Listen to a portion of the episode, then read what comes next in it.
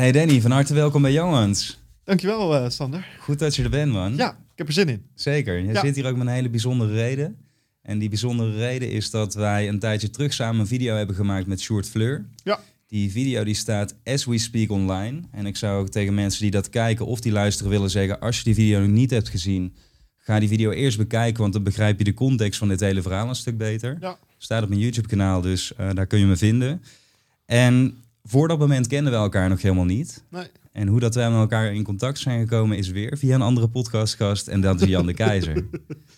nou, nu zit je recht voor me. Ik wil van alles van je weten. Niet alleen ik, want ook iedereen die de video heeft gezien, die zei van ja, wie is nou deze Danny eh, Westgeest? Ja. Dus er staan een hoop mensen te popelen om jouw uh, verhaal te horen. Komt goed. Want er is nog niet heel veel over te vinden. En daar hoop ik vandaag wat, uh, wat verandering in te gaan brengen. Wie weet. En ik wil eigenlijk een beetje aan het oppervlak beginnen. En vanuit die kant uh, de diepte ingaan.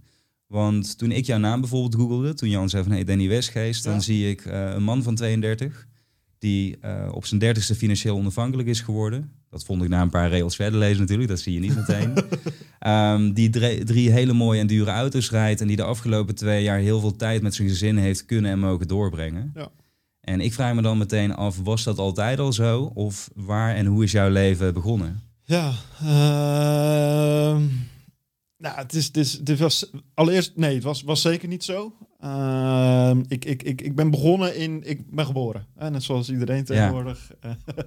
Ja. ik ben geboren in Brazilië. Ja. En ik ben geadopteerd door, door mijn twee uh, ja, ouders, waar ik nu, uh, ik zie het gewoon als, als mijn ouders, zeg maar. Ik vind altijd heel lastig om pleegouders te zeggen. Als ik met, met andere mensen spreek die, die geadopteerd zijn, die noemen het dan, dan pleegouders. Ja. Alleen, uh, weet je, ik heb, ik heb zoveel liefde gehad en uh, ben goed terechtgekomen. Dus voor mij zijn het gewoon, zijn het gewoon mijn ouders. Dus ik, ik noem ze gewoon altijd gewoon mijn ouders. Uh, ben ik terechtgekomen in het o zo mooie Valkenburg. Ja. Ehm, niet in Limburg. niet in Limburg, kijk. in, uh, in Zuid-Holland. Ja, precies. En ehm, ik ben daar financieel, uh, financieel zat het bij ons gewoon goed. Uh, mijn, mijn vader die had een eigen bedrijf. die was architect. En mijn moeder die, uh, die was huismoeder. Dus uh, ik had nog een broer en een zus. En mijn moeder heeft ervoor gekozen om, om zeg maar, ja, de kinderen op te voeden. Dus niet dat wij uh, allemaal naar de opvang toe moesten. Ja, precies. Ja. dus weet je, we hadden het niet extreem breed. Maar op het moment dat ik een, een broek nodig had, omdat er gaten in mijn andere broek zaten, dan, dan kreeg ik gewoon een nieuwe broek, zeg maar. Ja. de, dus het, als, als ik vroeg van, joh, ik wil een nieuwe fiets, dan was het van, nou ja mag je sparen. En uh, deze fiets doet het nog prima. Maar als ik een broek of schoenen nodig had, ja, dan was dat er gewoon. Ja. Dus ik ben, ben zeker gewoon extreem goed opgevoed. En uh, alleen, ja, er, er, was geen rijkdom. Precies, ja. Nee, nee. Was er wel rijkdom in de vorm, want dit is financiële rijkdom inderdaad waar je nu op doelt. Ja. Maar dus wel heel veel rijkdom in de vorm van liefde, tijd voor jou, aandacht voor ja. jullie ook met het hele gezin. Ja, ja, ja extreem veel. Uh, voornamelijk van mijn moeder, want mijn vader die was wel gewoon, die was eigenlijk altijd aan het werk. Um, die had zijn eigen architectenbureau en ja, die was gewoon s'morgens tot, tot, nou, die kwam dan s'avonds thuis met eten en uh, ging dan weer terug naar zijn kantoor. Zijn kantoor zat aan huis. Uh, had een kantoor buiten huis en een kantoor aan huis. En dan ja, ging hij eten en dan ging hij weer terug naar zijn kantoor aan huis. Want dan moest hij weer verder ja. uh, voor zijn werk dingen doen. Dus ik, ik heb heel veel liefde van mijn pa gemist. Uh, maar mijn ma die heeft dat wel heel erg gecompenseerd. Uh, echt extreem gecompenseerd. Ja, heb je dat ook echt op die manier ervaren? Dus van, hij, was, hij was er gewoon vaak niet. Hij was er gewoon vaak niet, Ja. zeg maar. Ja, ja. en daar, daar heb ik voor mezelf zeg maar, de les uit geleerd van... oké, dit wil ik anders doen. Ehm, alleen aan de andere kant, omdat hij er niet vaak was... Ja, daardoor kon ik wel die broek kopen als ik hem nodig had. Of die schoenen kopen als ik die nodig had, zeg maar. Ja, Ehm, dus ja, ja, we leven volgens mij tegenwoordig wel in een cultuur van... er moet geld zijn. Want anders dan kan jij niet leven zoals iedereen zou willen leven. In ieder geval in Nederland. ja zeker. Ja. Ge- Geld is in die zin natuurlijk ook voor een heel groot deel vrijheid. En ik Precies. zag toevallig afgelopen week op tv nog een serie over mensen die in de bijstand leven. Eh, en daar zag je ook echt, dan, dan kun je letterlijk kopen wat brood nodig is. Dus eh, iets te eten. Ja, En misschien een keer wat kleding bij de tweedehandswinkel hoef je krijgen. Maar dat, daar Nee, houdt het op. met ja. de nadruk op een keer, zeg maar. Want als je Ja. een gat hebt in je broek, alleen ja, die maand komt het gewoon niet uit. Ja, dan moet je Precies, gewoon met het gat in die broek blijven lopen. ja, Ja, zeker. wel heftig. Wanneer, ehm, of laat ik het zo vragen, heb jij ooit op dat moment in je jeugd gevoeld van... Hey, zijn dit überhaupt wel mijn echte ouders? Is dit wel mijn gezin? Of voel je dat niet? Of wordt je dat verteld? Hoe, hoe gaat zoiets? Ja, ehm, weet je, ik wil, me, ik wil mijn ouders er niet, niet ehm, ja, hoe zeg je dat? op de basisschool, ik denk tot en met groep 6, was ik er niet mee bezig. En had ik ook gewoon helemaal niet door dat ik überhaupt geadopteerd was. Ja. Ehm, en dat vind ik echt heel mooi, zeg maar. Mijn, mijn zus, die komt uit Sri Lanka. En die is, die is echt nog, nou, die is tien keer donkerder dan dat ik ben. En ik heb dan nog een broer en die is gewoon blank. Want die is dan van, van mijn ouders, zeg maar. Ja. Dus we waren heel erg multicultureel. Alleen, toen ik zo jong was, ehm, het was gewoon zo. Dus het was niet... En, en ja, ik, ik kwam dan uit Brazilië. Alleen, ik was er helemaal niet mee bezig. Ik was helemaal niet bezig met, met mijn achtergrond toen ik, toen ik jong was. En dat kwam eigenlijk pas een beetje toen ik op de middelbare school ging. En eh, ja, we hadden het net heel eventjes erover bij jou in je dorp waar jij vandaan komt. Ja, zeker, ja. weer, het is een dorp. ja, zo noem ik het wel. Zo noemen de mensen weer het zelf niet. Maar ja. Oké, nou ja, verkapt dorpje dan. ja. Ehm, bij mij was het hetzelfde. Ehm, zeg maar in, in mijn jongere jaren, toen, toen ik dus nog op de basisschool zat, eh, Valkenburg echt een dorp. Nou, eh, er woonde één buitenlands gezin, eh, Marokkaanse afkomst, misschien twee. En, eh, en ik en mijn zus, zeg maar. Dus ja, we waren er helemaal niet mee bezig. Alleen toen kwam de middelbare schooltijd. Ja, en toen kreeg ik in één keer door van, hé, hey, dat stukje racisme. ja. Dat, dat begon toen in één keer te, te, te, te spelen, zeg maar. En toen begon ik ook in één keer van... hé, wat is nou mijn achtergrond? Waar kom ik dan vandaan? Waarom doen mensen dan anders? Waarom zeggen ze van... hé, hey, eh, je bent zwart? En eh, eh, ja, waarom doen ze dat, zeg maar? ja. Dus eh, ik ben pas op latere leeftijd... eh, ben, ik, ben ik daar mee bezig geraakt, zeg maar. En ik vind het heel fijn dat ik dus mijn hele jeugd... eh, er niet mee bezig ben geweest. Ja, maar op, eigenlijk op het moment, vanaf dat het moment dat externe mensen op je in begonnen te prikken en Ja. het begonnen te benadrukken, Ja. toen, toen is het letterlijk de bal gaan rollen, zeg maar. Precies, ja. En, en daar baal ik soms nog steeds van... dat dus andere mensen die prikkel bij mij voor elkaar hebben gekregen, zeg maar. Ja. En, ehm, ik weet dan niet of het per definitie positief of negatief is. Ehm, maar er is in ieder geval door extern is, is de prikkel bij mij gekomen. En mijn ouders die hebben nooit ehm, uit zichzelf het gesprek naar mij geuit, zeg maar. Dus die hebben denk ik gewoon gewacht totdat ik er zelf mee kwam. En ik denk dat ik pas een jaartje of ja, 16, 17 was, dat ik echt aan mijn moeder vroeg van... hé, hey, maar hoe zit het eigenlijk? Hoe is het gebeurd? En, en waar kom ik dan eigenlijk precies vandaan? En heb je informatie van mijn moeder of whatever, zeg maar. Dat Ja. was, bij mij is dat heel laat is dat, eh, naar voren gekomen. En wat was het verhaal toen vanuit haar over jouw biologische ouders? Ja, het verhaal was, eh, ik, ben, eh, ik ben afgestaan en er zijn wat documenten van. Alleen ja, toen de tijd, en dan praat ik dus ja, over 32 jaar geleden, Ja. eh, was het digitale tijdperk was, was er gewoon nog niet. In ieder geval al helemaal niet in Brazilië. Dus ja, er waren wat documenten eh, waarin stond eh, dat ik afgestaan was en er stond een naam, maar geen foto of, of, of whatever. Alleen maar een naam ja, van, precies. van wat dan wellicht je biologische moeder zou zijn. Dus dat is het enige wat ik ervan af weet. Ja, En eh, ik, ik ben dan in een, ja, een weeshuis, noemen ze dat dan. Eh, dus ik ben in een weeshuis terechtgekomen. Ik was echt maar een paar weken hoor. Dus ik was heel jong, kan er ook nul van herinneren. En ehm, nou, toen ik die naam had, toen, toen ben ik wel even na- naar Facebook gegaan van... hey, zal het zo zijn? Kan ik wat vinden? En ja, dat is allemaal niet het geval geweest. En ik heb ook niet de behoefte om ernaar op zoek te gaan. ja. Even terug naar het moment dat je die boodschap krijgt. Wat doet dat dan met je? Want eigenlijk, hoe ik het altijd heb ervaren, je hele wereldbeeld Ja, is eigenlijk gevestigd, zeker als je jong bent, op je gezin en op je ouders. Zij laten je letterlijk de wereld zien. ja, En als dat wereldbeeld ineens toch voor een deel anders blijkt te zijn dan dat jij in al die 16, 17 jaar daarvoor hebt gedacht en geloofd, ja. kan ik me ook voorstellen dat een hele hoop onrust en ehm, een wankel fundament veroorzaakt. Of hoe heb jij dat voor, Ja, ik, gevoeld? ik, ik, ik heb dat gelukkig zelf niet zo ervaren. Maar dat komt echt omdat ik zo ontiegelijk veel liefde van, van mijn moeder heb gekregen. En ook echt wel van mijn pa heb gekregen. Ehm, dus, dus ik ben gewoon zo goed opgevoed dat dat mijn fundament was en is. En eh, dat fundament, dat, dat, dat kan je niet meer afbreken. Omdat, zeg maar, hun hebben zoveel voor mij al gedaan. En ik, ik persoonlijk zie het ook echt als, als een kans. Als, als een lot van de loterij die ik heb gewonnen.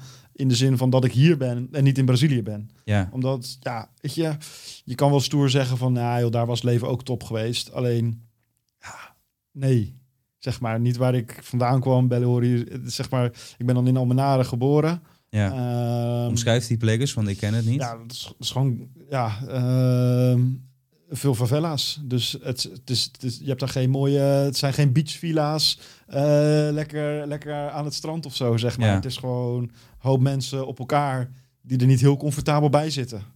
En uh, ik, ik grap altijd met, met vrienden erover. Ik had als ik daar nog had gezeten, dan hadden twee dingen kunnen zijn. Dan was ik of op mijn tiende overleden, zeg maar. Of ik was uh, een van de grootste drugsbarons daar geworden, zeg maar. Dus zeg maar, dat, dat is dan het grapje die, uh, die er maar over ja. maakt. Ja. Maar dat was eigenlijk de keiharde realiteit dat, dat daar. Ja, dat waren de twee opties. Zeg maar. ja. ja, precies. Ja. Zeg. ja. ja. Dus ik, ik, ik zie het echt als, als een stukje, als, als, gewoon, als gewoon een lot in een loterij die ik heb gewonnen.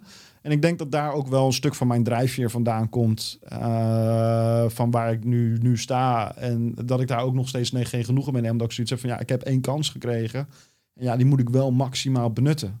Ja. En ik denk dat dat, dat bij mij uh, iets, een drijfveer is geweest die, die, die misschien andere mensen die hier dus gewoon geboren zijn, uh, ja, die, die dat niet als drijfveer zien, omdat het voor hun normaal is. Precies, vanzelfsprekend. vanzelfsprekend, ja. Alleen ja, ik kan altijd in mijn achterhoofd meenemen van ja, fuck dan. Het is niet vanzelfsprekend, want als je niet geadopteerd was, had je daar nog gezeten. Ja, zeker, ja. En mensen die niet weten hoe het anders kan zijn, die er nooit bij stilstaan, die hebben ja. natuurlijk een nee, andere... die staan er niet bij stil. Dat is, Ja. En ik kan het ook niet weten hoor, omdat ja, ik, ik, eh, het is niet dat ik daar tot mijn 15 heb gewoond of zo, zeg maar. Eh, wat ik net al zei, ik, ik was een paar weken en toen, toen kwam ik hierheen. Dus ik, ik weet me er ook niks van, maar ik kan het wel in, eh, inleven, zeg maar. Ja, Makkelijker, denk ik, dan dat jij dat wellicht zou doen. zeker. Ja. Ja. Dat zeker altijd. En ik denk ook dat het de afgelopen jaren eh, voor steeds meer mensen duidelijker is geworden. Dat je natuurlijk wel kunt zeggen van ik probeer me er iets bij voor te stellen. Ja, Maar ik voel dat zelf niet. Nee. Ik had hier laatst iemand zitten wiens ouders zijn gevlucht uit Iran. Toen zei ik ook van ja, wij voelen het eigenlijk allebei niet. Maar jij wel weer meer dan ik. Want jouw ouders hebben je altijd verteld. Of in ieder geval, je hebt ge- gemerkt in de sfeer van hoe dat, hoe dat voor hen moet, moet zijn geweest. ja. Ehm, dus dat vind ik altijd een belangrijke nu nuance. Inderdaad, van inderdaad, nee, ik ken dat niet, want ik ben hier opgegroeid. En om misschien daar nog heel even naar terug te gaan. Maar je zei van nee, eigenlijk op de middelbare school begon het racisme. Vaak eh, gebeurt dat vanuit mensen inderdaad die totaal geen andere situatie kennen. Die hier Ja. ook gewoon zijn geboren en zijn opgegroeid. Ja. En het kan ook niet anders dan dat er nu naar deze podcast mensen kijken en luisteren die zelf ooit met racisme zijn geconfronteerd of nog steeds. Ja. Hoe uitte zich dat eigenlijk op jou, moet ik zeggen? En welke invloed had dat op Ja. dat moment op je? Nou, ik denk voornamelijk, en dat is nu achteraf, hè, dat is toen kon ik dat totaal niet voor mezelf relativeren. Alleen voornamelijk, ik denk dat het echt het grootste stukje was van de onzekerheid van die andere mensen, zeg maar. Dat gewoon, weet je, ze waren gewoon onzeker. En ik, die manier die uiten ze. Dus dan willen ze, willen, ze, willen ze beter zijn dan jou. En op het moment dat ze dan qua cijfers niet beter kunnen zijn, of eh, qua sport niet beter kunnen zijn, of qua omgang niet beter kunnen zijn, dan, dan ja, is het heel makkelijk om te zeggen: ja, maar jij bent zwart. Ja, Weet je, jou hoort hier niet, ga terug naar je eigen land. Weet je, ik denk dat dat gewoon een hele makkelijke manier was om jezelf dan te uiten eh, dat je beter was dan iemand anders. Jezelf erboven verheffen eigenlijk en diegene Ja, kleineren. ja, ja. ik denk dat dat het is. Eh, en zeker weten zou ik nog steeds niet weten. Alleen als ik dan die mensen dan... eh, want ik zie nog steeds wel eens af en toe mensen van toen, zeg maar. En dan denk ik bij mezelf van, nou... Je hebt niet echt voor elkaar, maat.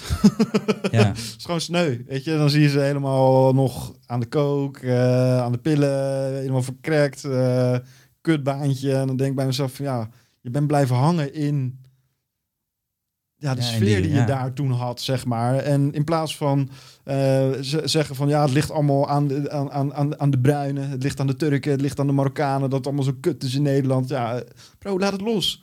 Kijk naar jezelf. En ga zelf gas geven in plaats van op andere mensen zeuren en zeiken en ja, jezelf erboven willen zetten. ja, zeker. En, En wat deed het met jou? Had het diezelfde invloed? Want jij zegt bij hun kwam het vanuit de onzekerheid. Ja, ja. Maakt het jou ook onzeker Ja. of maakt het je juist heel vurig? ja, zeker. Nee, nee, nee. Het maakte mij extreem onzeker. En eh, ik heb ook een periode gehad dat ik dus niet mezelf kon zijn. Eh, ik ben dus daardoor gaan veranderen.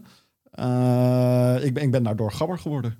Ja, Gewoon, ik ging maar naar hardcore luisteren. Ik ging kisten dragen. Ik ging een bomberjack dragen. Om me, ik, ging, ik, ik was een beetje een chameleon toen. Ik, ik paste me aan om, eh, om er maar bij te horen. En om dus niet eh, ja, gekleineerd te worden. Terwijl ik eigenlijk mezelf op dat moment aan het kleineren was. Alleen dat, dat besefte ik toen niet. Ik deed dat gewoon maar ja. om, om erbij te horen. Eigenlijk overlevingsdrang. Van pas bij de groep en dan ben je, word je Precies. minder geraakt. Ja, ja, en dat heb ik denk ik echt wel gewoon drie jaar, zeker drie jaar gedaan. Misschien wel vier jaar. En totdat ik in één keer ehm, bij jongens kwam die dus blank waren. En die, ehm, bruin wilde zijn. Ja. dus die jongens die waren blank, maar die droegen uh, Carl Kani was toen helemaal in. Carl Kani pakken, uh, luisterden naar 50 Cent en uh, bandana's om en zo, zeg maar. En ik denk, hey, ik kan hier gewoon mezelf zijn. Niet dat ik, dat ik in Carl Kani pakken liep of zo, maar ik hoefde me niet anders voor te doen als dat ik was, zeg maar. En ik, ik was toen nog niet vies van een, lekker blootje roken.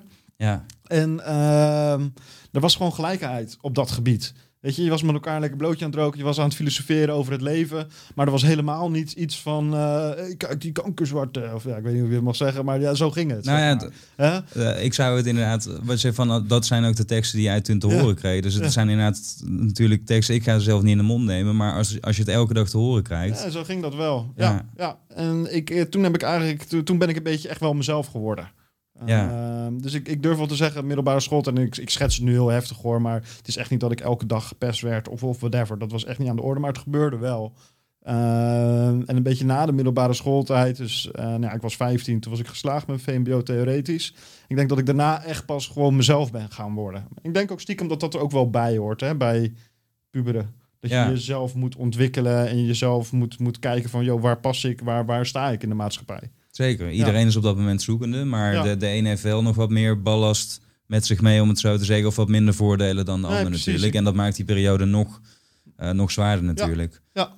Hoe ben je daar uiteindelijk, eh, als je dat nog kunt, kunt reconstrueren, maar mee omgegaan? Voor mensen die nogmaals dat nu ervaren, dat je daar misschien, zij kijken nu ook naar jou. Ze zien natuurlijk ook een voorbeeld van, hé, maar ook uh, in die positie kun je uitgroeien tot waar jij nu bent. Daar gaan we het uitgebreid nog over hebben vandaag, wat dat allemaal is. Ja. Um, maar heb je misschien iets van nou was dat je nu terugkijkt en denkt van nee, ik had inderdaad toen bijvoorbeeld mijn mensen moeten zoeken, de mensen die me wel supporten en. Uh... Ja, ik, ik denk dat ik meer bij mezelf had moeten blijven en niet uh, maar voor anderen, maar anders zou gaan gedragen, zeg maar. Ja. En dat is, dat is denk ik wel de grootste les die ik eruit heb geleerd. En aan de andere kant, ja, dat heeft me nu uiteindelijk alsnog wel gebracht waar ik ben. Dus ik heb er geen spijt van. Alleen als ik terugdenk en wat zou ik anders doen, dan zou ik eerder op zoek gaan naar wie ben ik wie ben ik als Danny, zeg maar. En uh, ik meer ja, lak, scheid hebben aan mensen wat ze van me vinden. Nou, dan noemt hij me zwart. Boeien, weet je. Uh, het is niet dat ik uh, standaard in elkaar geslagen werd of zo vanwege mijn huidskleur. Ja, ja. dus dus ik, ik heb geleerd dat, dat woorden, dus dat het eigenlijk vanuit een ander zijn onzekerheid komt. Vaak. Precies. Het zal niet altijd zo zijn. Sommige mensen zijn gewoon nou, ik noem het een beetje psychisch dan.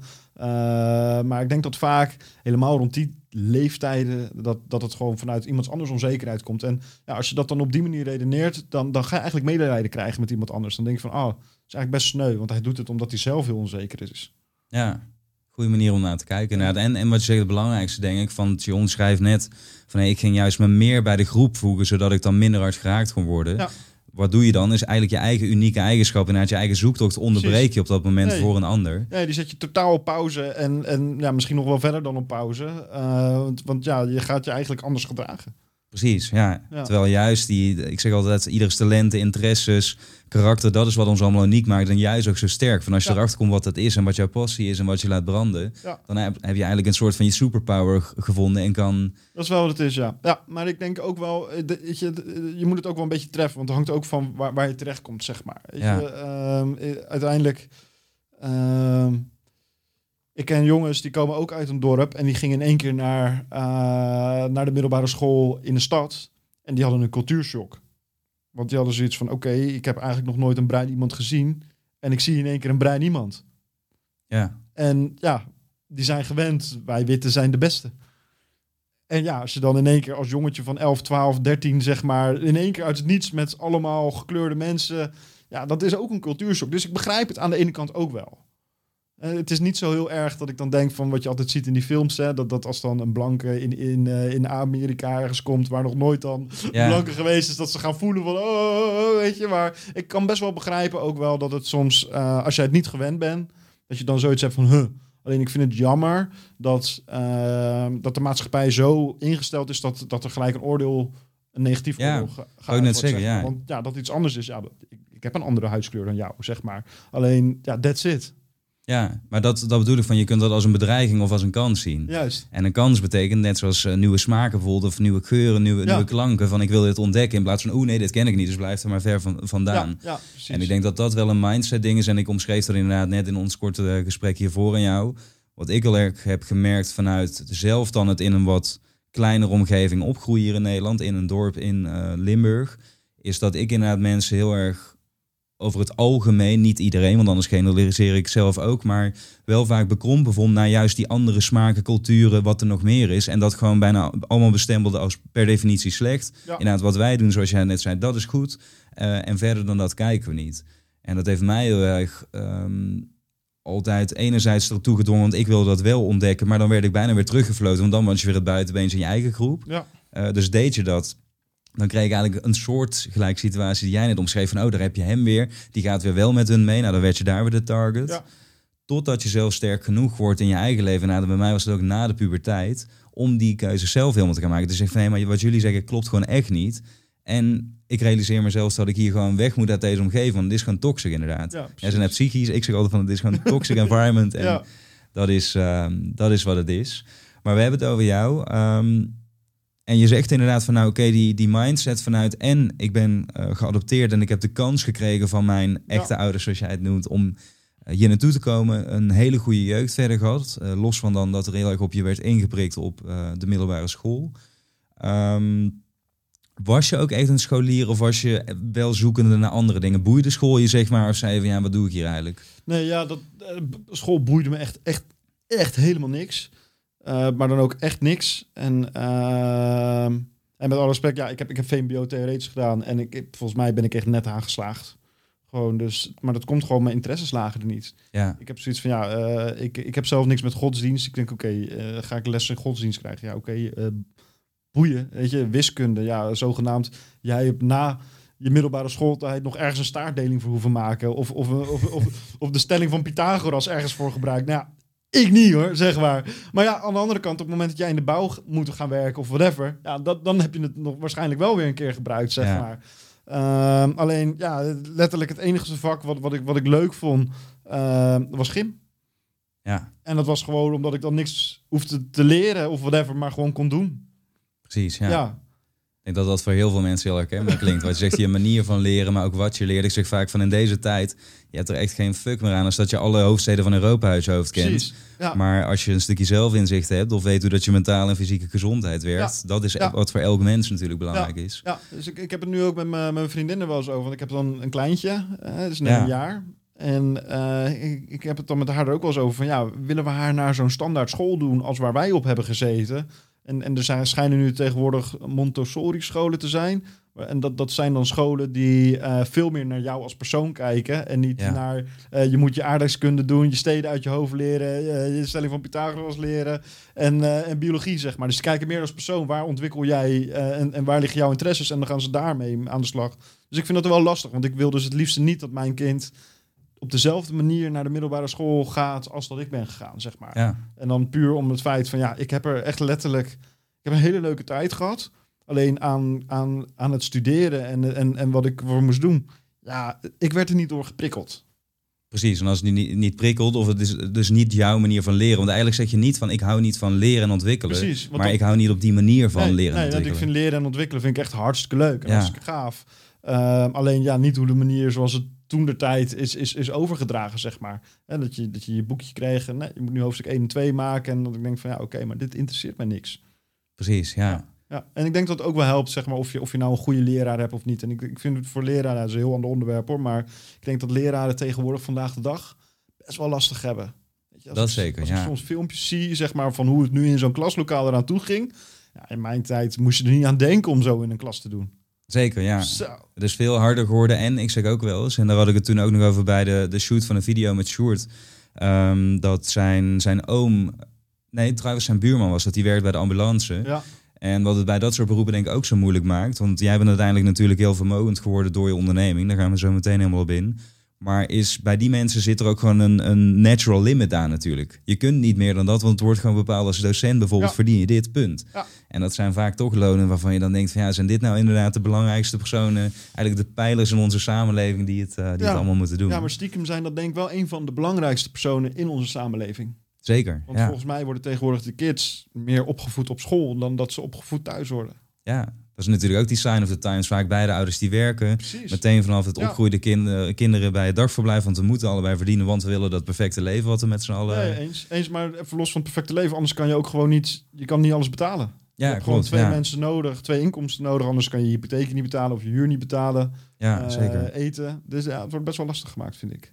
Ja. Ik. ja.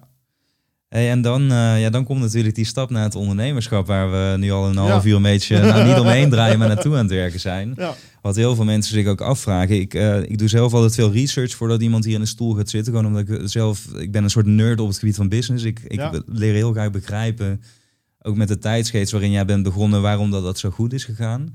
Maar ehm, even voor jou terug naar dat begin van ondernemerschap. Waar begon dat? Wilde je altijd al iets voor jezelf beginnen? Of was je gewoon aan het werken en, en liep je ineens ergens tegenaan? Nee, ik denk dat het bij mij begon toen ik een jaartje of ja, 7, 8 was, denk ik. Eh 7, 8 toen ik, eh, ik woonde aan de sloot en we hadden een, eh, een bootje. En eh, het was gewoon een roeibootje. En wat ik dan deed, dan ging ik op het bruggetje zitten. En dan ging ik tegen mensen zeggen voor 2 gulden 50 bracht ik ze naar de, naar de andere kant toe, zeg maar, roeiend. Ja, Ik denk, daar is het bij mij denk ik begonnen. Dat ik dacht van, hé, hey, ik wil gewoon knaakjes maken. Ik wil gewoon mijn eigen, mijn eigen dingetje doen, zeg maar. En eh, je gaat een primeurtje krijgen. Toen ik 14 was, toen... Vroeger had je een CEP-pas. Ik weet niet of je dat nog, of je dat nog weet. ja, dat heeft te maken met bezoeken van evenementen of iets dergelijks? Ja, of? bezoeken van... ehm, eh, moet ik het even goed zeggen? Het was voornamelijk musea's en ik, ik weet niet, volgens mij ook attractieparken, maar in ieder geval musea's. Ja, En het was nog niet verplicht dat jij eh, je ID-kaart bij je moest houden. Ehm, dus, dus weet je, je moest iets hebben vroeger waar je, waar je naam op stond en, en that's it, zeg maar. ja, En eh, ik had de CEP-pas van mijn zus gepikt. En had ik, ehm, zeg maar, haar fotootje er vandaan geplakt. En had ik mijn eigen fotootje erop geplakt. ja. en toen was ik opeens net 18. Ja, En, eh, daarmee ging ik naar de koffieshop. En dat heb ik zeg maar drie keer heb ik die CEP-pas laten zien bij die koffieshop. En toen zei ah, nou, ja, hij is al 18. Dus toen hoefde ik daarna ook nooit meer een legitimatie te Ja, laten zien. nee, Vroeger, eh, toen was het allemaal niet verplicht. En ehm, ja, daar kocht ik dan wiet voor 10 euro. Ja, euro was het, zeker te weten. 10 euro. Gram, eh, kreeg je 5 gram gruis. En ging ik met een maatje van mij en dan gingen we die, die, die, die, 10, eh, die voor 10 euro, 5 gram gruis, gingen we, gingen we, gingen we voorgedraaide van maken. En die verkochten we voor 5 euro de stuk. Ik denk dat dat mijn eerste echte onderneming was. ja, precies. Ja. ja. ja. Ja, En hoe, hoe oud was je toen nog één Ja, keer? 14. 14, ja. ja, ja, 14. Misschien wel 13. Ik denk wel 13 zelfs. Ja. Ja, ik denk 13. Ja. Voordat mensen nou weer helemaal leuk gaan. Want ik hoorde, oh, dat is illegaal en dat mocht niet en zo. Maar ik heb ook dvd's bijvoorbeeld gebrand in die tijd. Je bent 13, 14. Dus Ja, laten we daar niet, eh, niet te moeilijk over Nee, doen. Het vooral, ja. niet, weet je. En, en eh, ja, dat, daar verdiende ik gewoon in mijn weekend mijn geld mee. En eh, ik had dan drie, vier keer zoveel geld als iemand anders. En daarnaast werkte ik ook gewoon altijd hoor. Want ik, ik werkte gewoon, eh, mijn eerste job was, toen was ik 12. Heb ik de hele zomervakantie koptelefoontjes opgewonden van de KLM, zeg maar. Eh, daarna eh, ging ik bij de Digros werken, Albert Heijn. Eh, ik heb 2,5 jaar lang fulltime bij de McDonald's gewerkt. En ja, daar kwam ik allemaal gewoon achter van, ja, dit is het niet Ja, dit is het niet. School was heel lastig.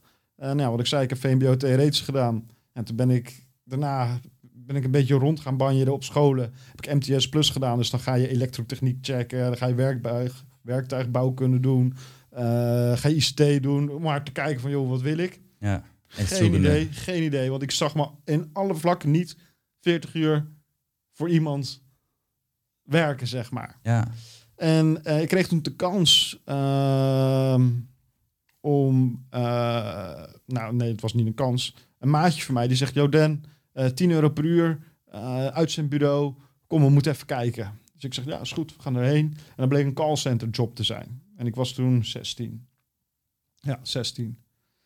10 euro was echt, echt heel veel geld. Zeker. iemand Die 16 was. ik had 340 op dat moment, toen ik nagaan. 16 was. Ja, Ja, Dat, is, dat is echt heel veel geld. En ehm, hij heeft het uiteindelijk niet gedaan. En ik ben erheen gegaan. En ik was in de eerste maand was ik beste verkoper van, van de hele kast. En er werkte, ik denk 200 man of zo, zeg maar. wauw. Dus ja. toen kwam ik er eigenlijk achter van, oké, fuck. Ik heb een gave eh, voor telefonische verkoop. Dus ik kan gewoon goed verkopen. En ik werd echt elke maand beste verkoper. En dat tientje, dat ging naar 15 euro. Dat werd soms 20 euro, omdat je allemaal bonussen verdiende. En toen dacht ik van, hey, fuck, dit is leuk. Alleen ik was nog helemaal niet bezig. Ik was nog gewoon aan het leven. Weet je, ik was gewoon... Ik kreeg elke week betaald. Super slim van het callcenter. Want ja, je kreeg per week betaald. Dus je knaakjes gingen gewoon op. Vrijdag werd je geld gestort. Ja. ja, ik heb tijden meegemaakt dat zondag gewoon op was, Ja, zeg maar. precies. Weet je, ik woon nog gelukkig nog thuis, hè, dus dat scheelt. Maar ja, zondag was het dan gewoon op. En hun dachten van, ja, als het zondag weer op is, dan ga je weer de hele week werken. Zodat je weer vrijdag weer geld hebt, zeg maar. ja. Nou, en ik heb dat echt drie, vier jaar gedaan. Toen ben ik gescout door een andere organisatie. Die zei van, joh Dan, hoeveel jij verkoopt... als jij ervoor kan zorgen dat onze mensen eh, op jouw manier gaan verkopen... en eh, als jij hen kan begeleiden en trainen... dan eh, mag je bij ons teammanager worden. Ik was toen net 18. Ehm, Wat maakt jou zo goed, denk je? Wat, wat, wat heb je ervan nodig? Want ze zeggen altijd, jij goed kunnen lullen. Ik, dat zou je ook kunnen zeggen dat een podcast doen goed kunnen lullen is. Ja. Ik, denk meer dat het mensen begrijpen is, Mensen toch? begrijpen inlevingsvermogen en eh, nou, je zal het niet denken, omdat hier ben ik nu nog voornamelijk aan het woord. Maar ik denk, en een goede verkoper die luistert. Weet je, een goede verkoper die luistert en die, die laat ook andere mensen een woord. En ja, je moet wel kunnen lullen als brugman. Weet je, heel vroeger in de, in de, als ik uitging, zeg maar, ja, moest ik ook lullen. Weet je, ik ben een lekkere jongen, hè, dus laat dat voorop staan. Maar ja, ik moest wel gewoon lullen als brugman om ze binnen te hengelen, zeg maar. Hè, begrijpt dat ook? Dus ja. dus, eh, dus ja, je moet wel een beetje kunnen lullen. En ik denk dat je, eh, dat je moet durven lullen, zeg maar. Ik, Ja. denk, eh, ik denk dat dat de kunst is. Ik denk dat heel veel mensen... eh, weet- want ik, ik zag het ook echt als flirten. Ik was gewoon met klanten aan het flirten. En dat maakt het mij niet uit of het een man of een vrouw is. Ik was aan het flirten, want ja, ik moest wat van jou. Ik moest dat jij aan het einde van het gesprek zei... Ja, eh, eh, doe maar. En Ja. ik verkocht toen lotto loten. Ja, ik, ik, ik, ik, het was echt... Ik, ik maakte er een hele show van. Dat ik eh, eh, Lotto Weekend Miljonairs was. En eh, bla, bla, bla. Die Robert en Brink. En we gaan even een vragenshowtje doen. Oh, je hebt het antwoord goed. Helemaal top. Je mag door naar de volgende ronde. Hup, je krijgt een maand lang gratis meespelen met de Lotto. En dan daarna zit je Ja, nog twee ja, maanden vast. en dat dan mooi verbloemen. En ja, dat ging echt als een jacko. Dus ik denk dat je het voornamelijk moet doen. Terug te komen op je vraag van ja, je moet, je moet out of the box denken. eh, luisteren naar andere mensen. En daar kan je dan op inspelen. ja, Ehm, ik denk dat dat het voornamelijk is. precies. En, en op dat moment was je, want je zei toen je teamleider, als teamleider werd gevraagd, Ja. of projectleider, was je 18. Ja. Eh, want bij mij, eh, mijn vraag die meteen in mijn hoofd opkomt, is van, vond je dat dan niet vervelend als je wist van, ja, inderdaad, je, je, ja, ik wil niet zeggen je naait mensen een abonnement aan, maar zo ervaar ik het eigenlijk eerlijk gezegd de hele tijd. Dat ik Ja. denk van, bij mij moeten die mensen ook met die deur verkopen, worden Ja. scheidsziek van. Ja. Maar nogmaals, weer even die tijdsgeest. Oké, je bent 18 inderdaad, je bent gewoon lekker aan het verdienen. Dus ik kan me voorstellen dat ik daar op dat moment ook helemaal niet mee bezig Het was. interesseerde je allemaal geen Ja. joh. En aan de andere kant, ik had het voordeel, of althans het voordeel, toen, eh, ik werd bij een andere, ander bedrijf, zeg maar, teammanager. Ja, En daar verkochten ze geen lotto, nog erg energiecontracten. Eh, maar dat was net in de tijd van eh, de liberalisering van energie. ja. Eh, vroeger kon je namelijk niet kiezen. Dan zat je of bij Nuon, of bij Eneco, of bij Essent. Afhankelijk van waar je woont is het dan al bepaald. Precies. Ja. En nou, moet ik het even goed zeggen, in juni 2004, als ik het goed zeg, is die markt geliberaliseerd. Dus mocht je opeens zelf kiezen bij wie je zat. En eh, toen ik in die branche terecht kwam, toen, toen was dat nog heel erg nieuw voor mensen. En eh, toen was je echt mensen ook daadwerkelijk aan het helpen. Dus je was ze niet aan het oplichten, maar je was ze echt aan het helpen. Want ze betaalden dan nu, ik zeg maar wat, 150 euro per maand. En dan gingen ze naar 100 euro per maand. Ja. Dus nu heel even, want dit is belangrijk, dit doe ik soms voor luisteraars. Eh, ze vragen me soms, hoe kan je alles zo goed samenvatten? Ik zet vaak in mijn hoofd en soms vlaggetjes in de grond. En wat hier eigenlijk gebeurt is dus ontwikkeling in de markt. Er er veranderen een heel belangrijk iets in die markt. Want Ja. het gaat van, van eigenlijk bepaald. En ik denk ook allemaal vaste tarieven en dergelijke dan toch. Als Ja. het helemaal vastgezet is, naar geliberaliseerd. Ja. Enorme trend en ontwikkeling. Ja. En dan gebeurt er natuurlijk van alles in zijn markt. Ja, ja, ja precies. En dat, dat was. eh, en ik heb toen ja, ruim drie, vier jaar dat voor een baas gedaan. En toen dacht ik op een gegeven moment: hey, dit is zo'n ding. Zeg maar. Er wordt hier wel heel veel geld verdiend. En dit kan ik zelf beter als hoe ik dat nu voor mijn baas doe. Zeg maar. Mijn baas. En eh, ja, heb ik respect voor hem? Nee, niet echt. Omdat ik vond dat hij nooit luisterde naar zijn medewerkers, zeg maar. Dus hij kwam binnen en iedereen ging gelijk zo rechtop zitten als hij binnenkwam, zeg maar. Hij kwam altijd heel statisch, kwam hij zo binnen. Ja, En dan... eh, typische angstcultuur. Ja, vond ik wel, zeg maar. Iedereen was ook wel een beetje bang. En hij ging dan naar zijn eigen hokje toe. Hij had dan helemaal achter dan zijn eigen hokje. En dan om half zes up, kwam hij weer met zijn koffertje. En dan liep hij weer zo eh, naar buiten. En dan wel samen lunchen. Dat deed hij dan wel heel goed, vond ik. En hij heeft me ook wel echt wel een keer goed op een plek gezet. Ik, ik was heel erg arrogant. En eh, ik ga niet de vaatwassen doen. Ik ga niet afwassen. Hoe bedoel je? En hij heeft wel even mij op mijn plek gezet van... Bro, eh, even normaal doen jij. We gaan nu samen eh vaatwassen. Ja. Even de afwas doen, zeg maar. Dus dat vind ik wel goed. Maar hij luisterde niet. Als ik een goed idee had of whatever, dan... Nee, het gaat op zijn manier. Ja, je kon je, je autonomie en creativiteit daar niet in kwijt. Wat ik wel heel goed vind, is dat je zegt dat gingen we samen dan doen. Dus dat hij Ja. met jou samen in plaats van dat hij een soort van ging kijken of Ja. zo. Maar Ja, ja, precies. Dat is zijn enige stukje wat ik, waar ik dan ook weer van geleerd heb, zeg maar. Wat ik heb toegepast in mijn ondernemingen. Van echt dat stukje over. Ja, het klinkt misschien heel gek, maar dat stukje afwas doen. Van nee, we gaan het samen even doen. Die Ja. afwas. Eh, hoe bedoel je? Je gaat bij de hand doen. eh, je doet nooit de afwas. We gaan het samen doen. Ja, dat vond ik echt mooi. Toen kreeg ik mijn contract voor een bepaalde tijd. En toen dacht ik, nee, dat gaat hem niet worden. Ik ga hier niet eh, de rest van mijn leven zitten eh, voor... eh, nou, ik verdiende toen misschien 3.500 euro. Als het alsnog een hoop geld, hè. Dus laat Ja, dat precies, ja. staan. Maar ik, ik wist dat, dat als, ik, als ik alleen zou gaan bellen... zou ik 10.000 euro per maand binnenhengelen. Ja, dan kreeg ik maar een piepklein stukje van, zeg maar. ja, Dus... ik- bijzonder. ook, Want dat is vaak het moment waarbij ik ook bij, bij young professionals, om het zo even te noemen, zie dat het misgaat. Heel veel jongeren hebben nog, ik zeg dat ook, ook in die video weer, van iedereen durft als die jongens nog onbegrensd te denken. Ja. Ik heb ook heel veel vrienden van mij die, die komen, ik heb hier een idee voor een onderneming, daar voor een onderneming, dit wil ik gaan doen. Maar op het moment dat je in een vaste baan komt, voor het eerst je loon begint te krijgen op dit niveau en ook nog eens dat vaste contract wordt aangeboden waarmee je ook eigenlijk direct je entry ticket naar een hypotheek krijgt, Ja. zijn er echt maar weinigen die daarvan af durven te stappen. Ja.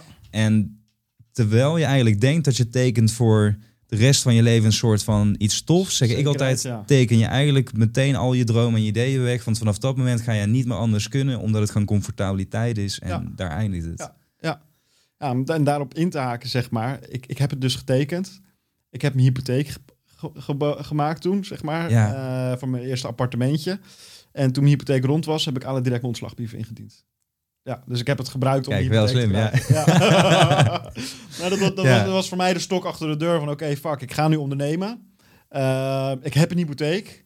Niet te realiserende van als je een huurhuis hebt en je dient de rekening betaalt, je ook gewoon je huis uitgetrapt wordt, zeg maar. Maar voor mij was dat echt van oké, ik heb een hypotheek, dus ik moet dat geld eh, op tafel brengen Ja, elke precies, maand. Dus dat was voor mij echt een stok achter de deur van oké, nu moet je gas geven en nu ga je lekker ondernemen. Ja. En even nog om, om de business goed te begrijpen, maar als, Ja. als ondernemer in die, die, die telecom-wereld, of hoe noem je het? Ja, telemarketing. telemarketing inderdaad. eh, is het verdienmodel dus dat je marges pakt op de verkopen die dat je doet eh, richting de, de klanten? Ja, ja. Toen de tijd kreeg je gewoon voor een nieuwe energiecontract. Daar kreeg je een x-bedrag voor. want dat is gewoon een wervingsfee. Voor, voor een stukje marketingfee noemen ze dat. En ehm, that's it. Ja, dus dat was Ja. het enige waar je, waarvoor je betaald kreeg. Dus je moest alles zelf regelen. En op het moment dat je dus eh, iemand van energieleverancier A naar energieleverancier B overhaalde... En dan kreeg je daar een bedrag voor van de nieuwe leverancier. Ja. Dus, dus die business was platter dan plat. Ja, dus gewoon fees knallen. Hoe, meer eh, getallen, hoe meer getallen jij krijgt. En dan moet je dus wel alles van doen. Dus daar komen we misschien later nog even op terug naar. Maar ook al je kosten en dergelijke als ondernemer zijn, die haal je wel ook uit diezelfde, Ja. uit diezelfde fee. Ja. Hoe, hoe verliep bij jou dan die beginperiode? Want je hebt dus inderdaad, nou, eh, je hebt die hypotheek getekend, maar vervolgens ontteken je ook meteen eh, je ontslag en je gaat voor jezelf beginnen.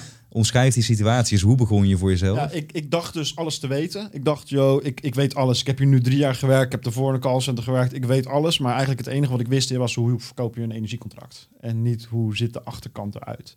En eh, ik ben begonnen met aan de deuren te lopen. Dus dan ging ik naar iemand eh, aan de deur langs. En dan zeg ik van, hey, goeiedag, ik ben Danny, West Bespaarcoach. Eh, ik, ik wil je even terugbellen voor, voor je energie. Ga ik niet nu doen, maar mag ik even terugbellen om te kijken of ik kan besparen. En dan kom je eigenlijk weer terug op dat flirten. Want je was daar eigenlijk aan het flirten met de mensen. Om ervoor te zorgen dat jij een krabbeltje kreeg. Dat ze een 06-nummer gaven.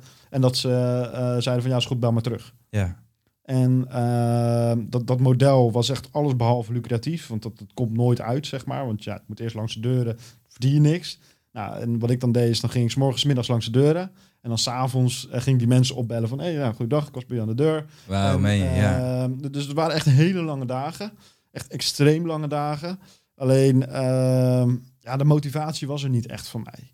Omdat het was, het was niet lucratief. En eh, het was best wel lastig om eh, elke dag eh 16 uur te werken. Ja, no eh, shit, ja. Voor ja, niks bijna, Voor niks, ja. zeg maar. Je- Kreeg je ook vaak nee te horen in die tijd? Oh nee, het is 99,9% nee. Nee, ja. Nee, nee, dus, maar dat was ik gewend. Hè. In het callcenterwereld is het gewoon is conversie draaien. Dus gewoon hetzelfde als dat je naar de club gaat. eh negen chickies zeggen nee. En chickie die kan je aan de haak slaan. En Ja, ja, ja. hetzelfde gaat ja, met verkoop. Het is conversie draaien. Dus daar had ik wel gewoon een dikke, dikke huid voor gecreëerd. En ik had mazzel, omdat ik met mijn vorige bedrijf, eh, waar ik toen werkte, had ik een, een, een, een, eh, een connectie opgebouwd met scholen. Eh, dus waarvoor eh, als mensen stage kwamen, wouden lopen, eh, kwamen ze bij ons terecht en dan konden ze stage lopen. En eh, daar heb ik het grootste geluk mee gehad, want ik heb dit nou, met één collega, ik denk een jaar, anderhalf jaar volgehouden. En toen dacht ik, oké, nu moet er echt verandering komen, eh, want anders dan ga, ga ik nergens komen. Ik blode toen stiekem ook nog wel gewoon elke dag, de hele dag door. Dus het was wel gewoon, ja, alles gewoon Ja. lekker, lekker relaxed en lekker chill, zeg maar.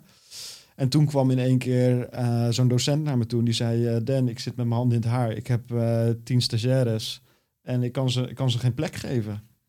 En ik dacht, tien stagiaires. Oké, wacht even. Ik verdien nu 2000 euro in de maand. hey, als ik tien stagiaires aanneem die ik in theorie op front niet hoef te betalen, dan kan die 2000 euro misschien wel maal 10 gaan. Ja, toen dacht ik van oké, dit is leuk. Dus yep, dus 10 stagiaires aangenomen. Nou, die 10 die werden er uiteindelijk 15. Dus ik had, ik had twee mensen in loondienst en, en de rest waren allemaal Ja, stagiaires. ja. Ja, en toen ging ik in één keer van 2000 euro naar 20 naar 25.000 euro in de maand. En toen dacht ik, holy fuck, Dan. Eh, holy fuck. Hier, Ja, dat moet, is wel hier een, moet ik eh, wat mee doen. Als ja. ik dit nu doorpak, dan, eh, ja, dan kan het gek gaan worden. En dat is voor mij de, de omslagkeer geworden van, oké, nu alles opzij. Volle focus op jouw bedrijf. En volle bak focus op, ehm, ja, als jij van 2000 euro 25.000 euro kan maken, dan kan je ook van 25.000 euro 100.000 euro maken. ja zeker. En, en daar heb ik mijn volle focus toen op gelegd. En ik denk dat dat toen ja, anderhalf jaar heeft geduurd. Ehm 30 stagiaires verder. En ja, toen zat je opeens op 100.000 euro per maand. En dacht ik, holy shit.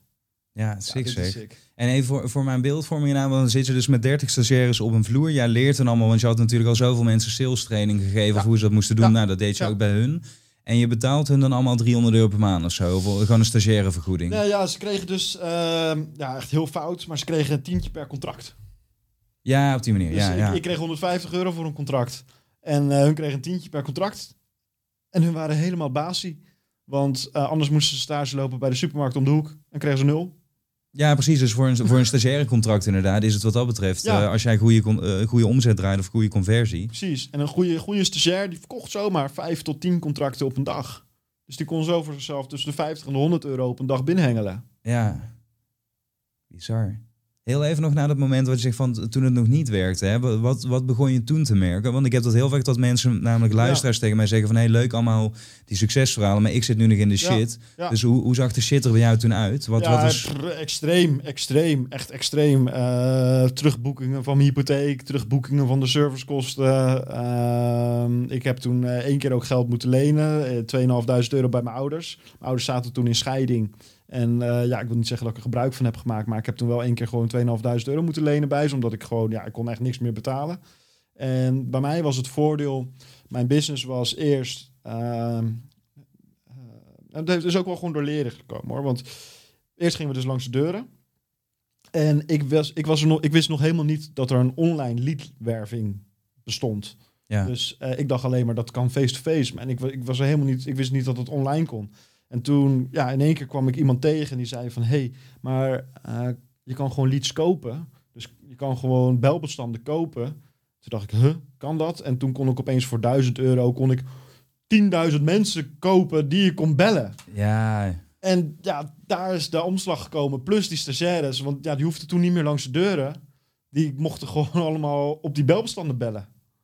En ja, toen dacht ik van holy shit, dit was echt de holy grail voor mij gewoon. En terwijl aan de ene kant is het dom, want als ik dat, nou maar ja, dat is ondernemen. Als, als ik dit van begin af aan had geweten, dan had ik nooit langs de deuren gelopen. Nee, maar dat is het denk ik juist. Want dat heb ik, daarom denk ik, ik heb een soort Eureka-moment. Omdat ik me helemaal kan voorstellen, jij komt niet bij die bestanden uit of bij die stagiaires als je niet was beginnen te lopen. Precies. En dat is het hele Ja. ding, dat je dan door de hele tijd tegen die muur eigenlijk aan te gaan lopen. En dan, oh shit, dit, die werkt niet, die werkt niet. Maar op de duur kom je er wel. En ontdek je dus eigenlijk van die, van die Eureka-momenten inderdaad. Dat je Precies. denkt van shit, Ja. dit is iets wat anderen natuurlijk niet weten. Ja, ja, en ze waren echt allemaal voor de hand liggend, alleen je kwam er niet op. En precies Ja. wat je aangaf, het is gewoon deur naar deur naar deur, letterlijk. Hè, wij liepen echt letterlijk van deur naar deur, maar echt deur, ja, die in één keer open ging, open ging, open ging. En in één keer, wow, dit is een lucratieve business zo. Ja. Dus, dus, maar ja, als ik niet was begonnen met aan de deuren te lopen, ja, was ik hier ook nooit terechtgekomen. en die, die 99,9% nee aan kunnen en, en dan niet stoppen. Dat Ja. niet eh, je laten af, eh, afleiden. Ja. Oké, dus jij hebt dan op dure reken van oké, we hebben belbestanden, dus we hoeven die data, die krijgen we gewoon op die manier binnen in plaats van dat we hem zelf moeten genereren. Vervolgens, uh, ik kan het niet allemaal alleen, ik hoef het ook allemaal niet alleen, want er, er zijn ook andere mensen. In het eerste geval stagiaires. Ja. Is er toen vervolgens weer een omslagpunt gekomen? Dan kan me voorstellen dat stagiaires in die zin, het klinkt nu allemaal heel gemakkelijk en leuk, maar dat dat ook bepaalde complicaties met zich meebrengt. Nee, ja, uh, complicaties heb ik er niet echt aan gehad, moet ik eerlijk toegeven. Ik denk dat je dat nu vandaag de dag wel hebt, zeg maar. Uh, vroeger mocht je dus gewoon nog 15, 20 stagiaires aannemen als uh, klein bedrijfje. Ja, dat mag tegenwoordig niet meer. Dus, dus ja, die, die kans die is, die is er niet meer. Um, alleen ja, uiteindelijk is dat wel natuurlijk een groei geworden. Want ja, omdat er gewoon geld binnenkwam. Uh, bij mij, zeg maar, mensen kwamen stage lopen. Soms, sommigen moesten drie maanden, sommigen moesten zes maanden. En ik durf wel te zeggen dat uiteindelijk 60 tot misschien wel 70 procent uiteindelijk uh, een baan heeft gekregen bij mij. En daarna gewoon in loonjes is gekomen. Dus voor mij was die hele stage was gewoon van, ja, eh, op die manier kost het maar heel weinig geld en kan je gewoon het vak leren, dus het vak verkopen. Ja, op het moment dat je dat onder de knie kreeg, kreeg je gewoon een baan. Precies, ja. En ja, voor hun was het gewoon een hoop geld, 15 eurotjes. Zeker, voor hun was het een hoop geld. Voor jou was het een heel fijn wervingsmodel ook. Want je kunt eerst testen wat voor vlees heb ik in de kuip. Nou, dan stromen de goede door. En degene die er ook waarschijnlijk dan niks bij voelen, die stromen weer uit. Ja. En op die manier bouw je dan weer je vaste, je vaste team vaste op. Ja. ja. precies. Ja, en dus het was echt. Uh, en, en op een gegeven moment ja, liep dat. Uh, dus op het begin waren die verhoudingen echt totaal niet in verhouding. Dus, dus 15 stagiaires op, op twee mensen in loondienst. En op een gegeven moment ja, eh, werd dat omgedraaid, zeg maar. Dus, dus ja, er is gewoon tijd overheen gegaan. En uh, dus ik kan echt zeggen dat, dat uiteindelijk, we zijn met 0 euro begonnen. Of ik ben met 0 euro begonnen. En doordat ik het gewoon de tijd heb gegeven om op een slimme manier mensen binnen te hengelen. Ja, daardoor is het gewoon heel organisch uh, gegroeid. Ja. Is het ook een heftig concurrerende markt die... Uh ja, op het begin.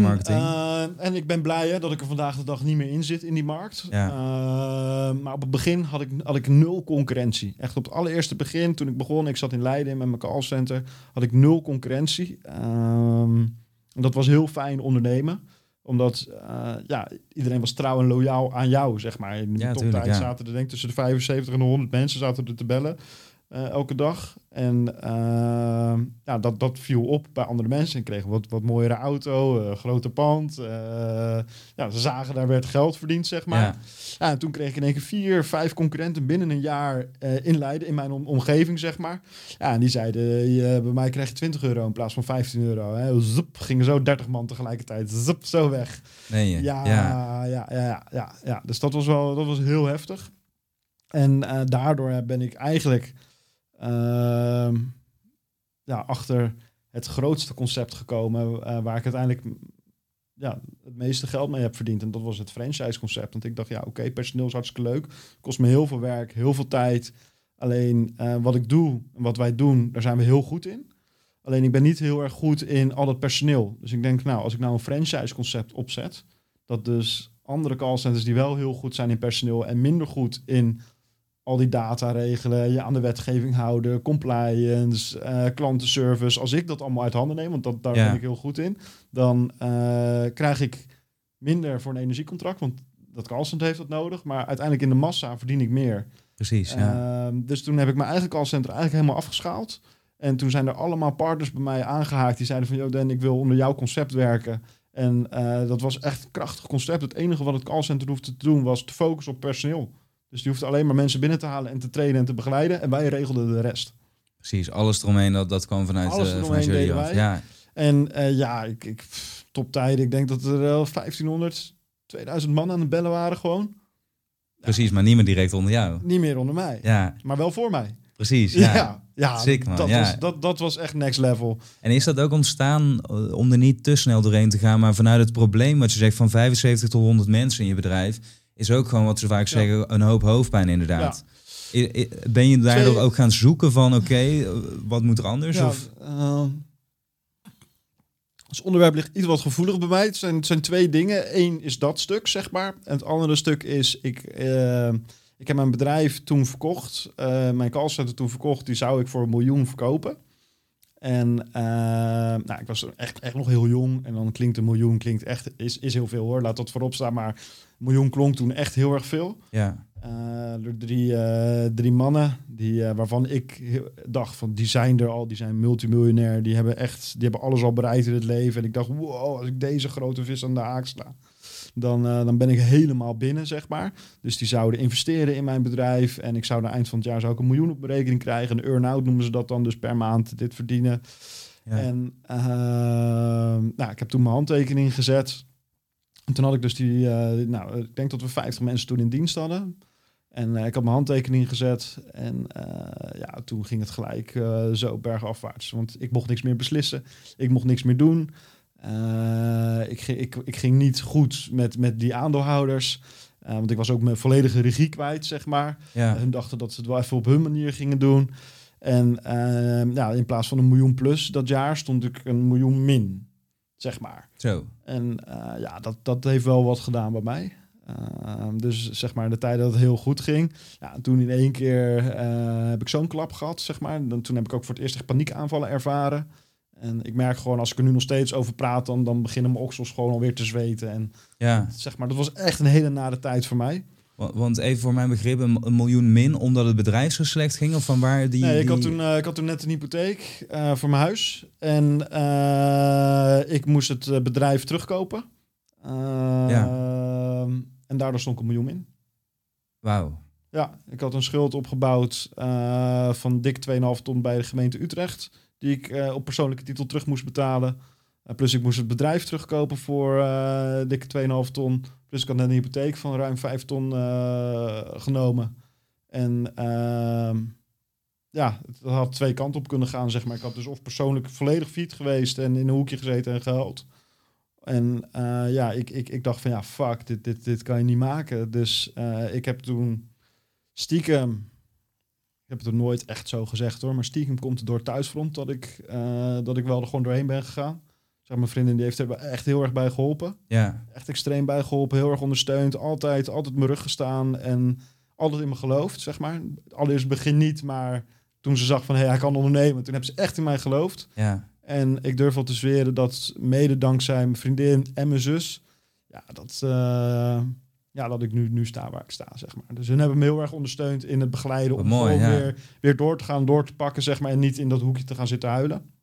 En, uh, Hoe was die, uh, ik heb het zelf ook meegemaakt namelijk, maar die eerste paniekaanval, hoe heb je dat, wa wanneer gebeurde dat en... Ja, het gebeurde echt letterlijk, nou, ik, ik krijg helemaal weer warm te krijgen. Ja, ja ik, wil je ene, ik wil je niet in die hoek drukken Nee, natuurlijk, maar niet omdat ik weet niet dat het heel... Nee, echt eh, in de lift. Begon in de lift. Ik ging de lift. Wij zaten op de derde etage. Ik stapte de lift in. En ehm, ja, ik ging dus naar, naar, ja, naar de zaal. En eh, in de lift begon het. En ik, ik dacht, hè, wat is dit? Weet je, ik denk, nou, het zal wel, zeg maar. En de lift ging open.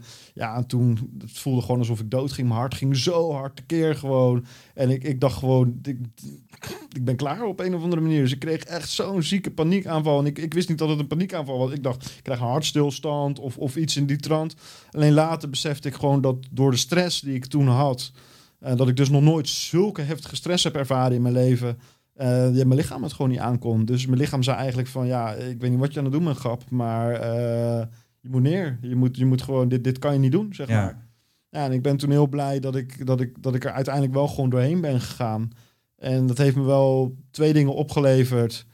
Uh, dat is dat ik gestopt ben met blowen. Omdat ik blowde toen ook nog steeds. Alleen uh, ja, als ik ging blowen, dan werd die paniekaanvallen bij mij versterkt. Ja, En uh, daardoor ben ik dus volledig in één keer van de een op de andere dag gewoon gestopt met blowen. En uh, ja, ik heb daar nog meer motivatie uit gekregen. Dat ik, dat, dat ik zulk zo'n stress nooit meer van mijn leven wil ervaren. En dat ik echt gewoon de touwtjes altijd zelf in handen wil houden. ja. Uh, En was het dan ook, want als je die paniekaanval ervaart, zoals je net al zegt, van het is gewoon een, een reactie vanuit je lichaam en geest die zegt van, ho, dit Ja. is te veel. Maar je omschrijft ook dat op het moment dat dat gebeurt, moest je eigenlijk harder knokken dan ooit. Want Ja. je stond er slechter voor dan, Precies, ja. dan ooit. Dus hoe, hoe ging die combinatie dan? Ja, wat ik zeg, het thuisfront. Thuisfront heeft me Ja. er echt bij geholpen, zeg maar. Ik kon heel goed daarmee over praten uh, met mijn vriendin. En die, die, die, die stond me overal in bij, zeg maar. En ik denk dat het voornamelijk was dat ik iemand nodig had die zei van... ik geloof in jou. Ik geloof dat je dit kan. Uh, doe wat jij denkt wat goed is. Doe wat jij denkt wat goed voelt. En ik heb er geloof in. En mocht het uiteindelijk niet zo uitpakken of whatever... ze zegt, boeit me niet. Zeg Ja. maar. Weet je, dus, eh, maar, maar ja, ga je droom na en ga gewoon door met wat je aan het doen bent, zeg maar.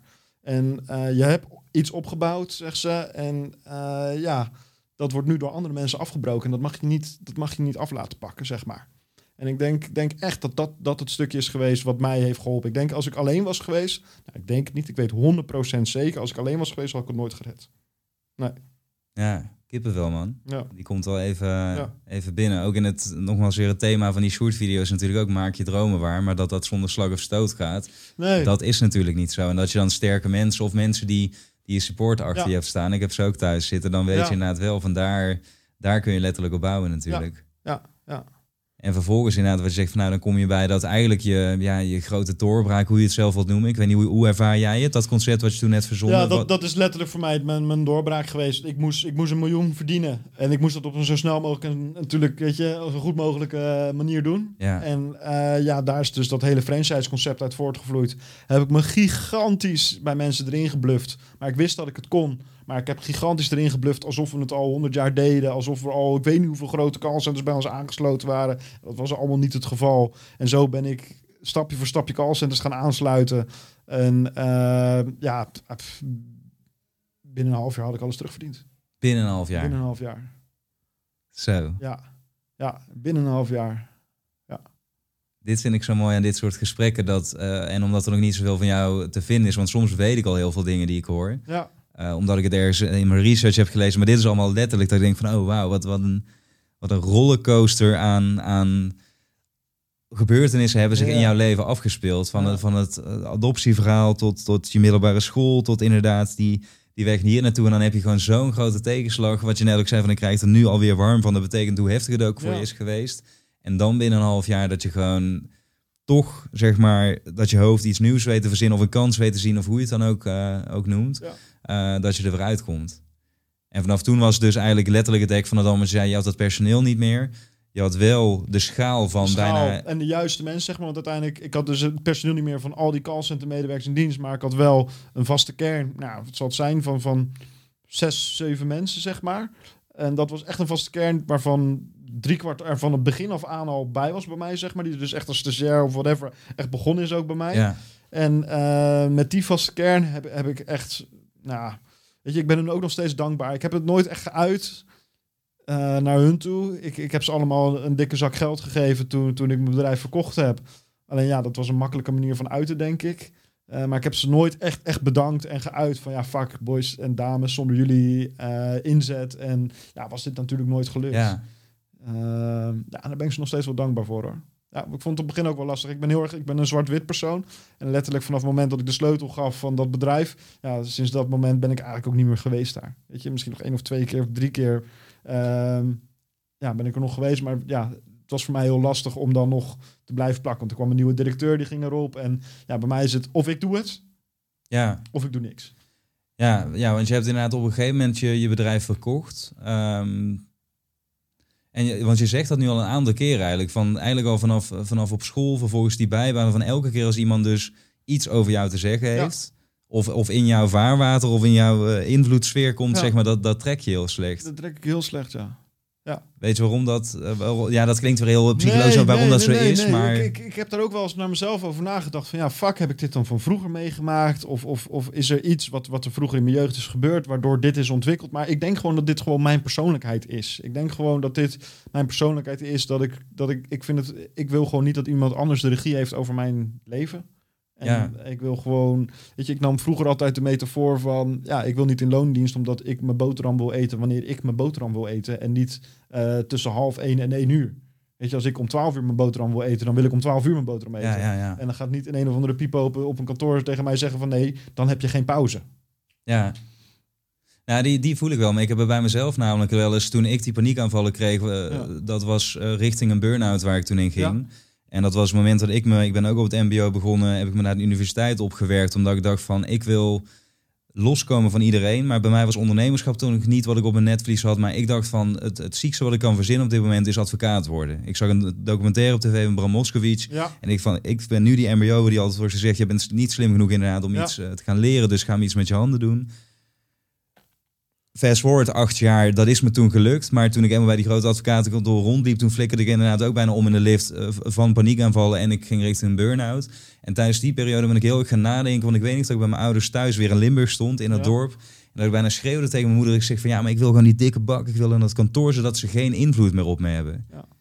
En terwijl ik dat zei, kwam het eigenlijk heel hard naar binnen. Want ik ben ook best wel gepest op de basisschool. Ik was een heel dik gezet jongetje. Ik vertelde je al, ik zocht altijd andere, andere dingen om mezelf te uiten. En wat ik eigenlijk toen op dat moment, zo zie ik het in ieder geval in de hindsight, aan het schreeuwen was. Ik wil dat zij, die toen deelde op me in konden prikken, naar dan elk moment van de dag um, je gemoedstoestand kunnen bepalen. Daar wil ik helemaal van loskomen.